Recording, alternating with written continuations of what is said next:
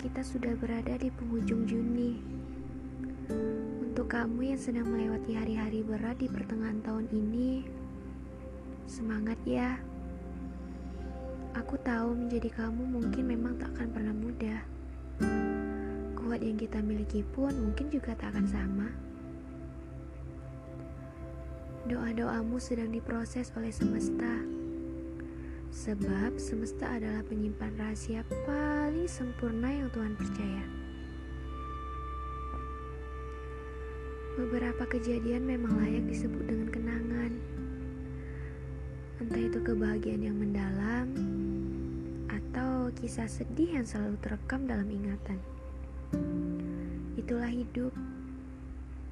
Kadang kita dipaksa menerima sesuatu yang tak pernah kita duga-duga sebelumnya.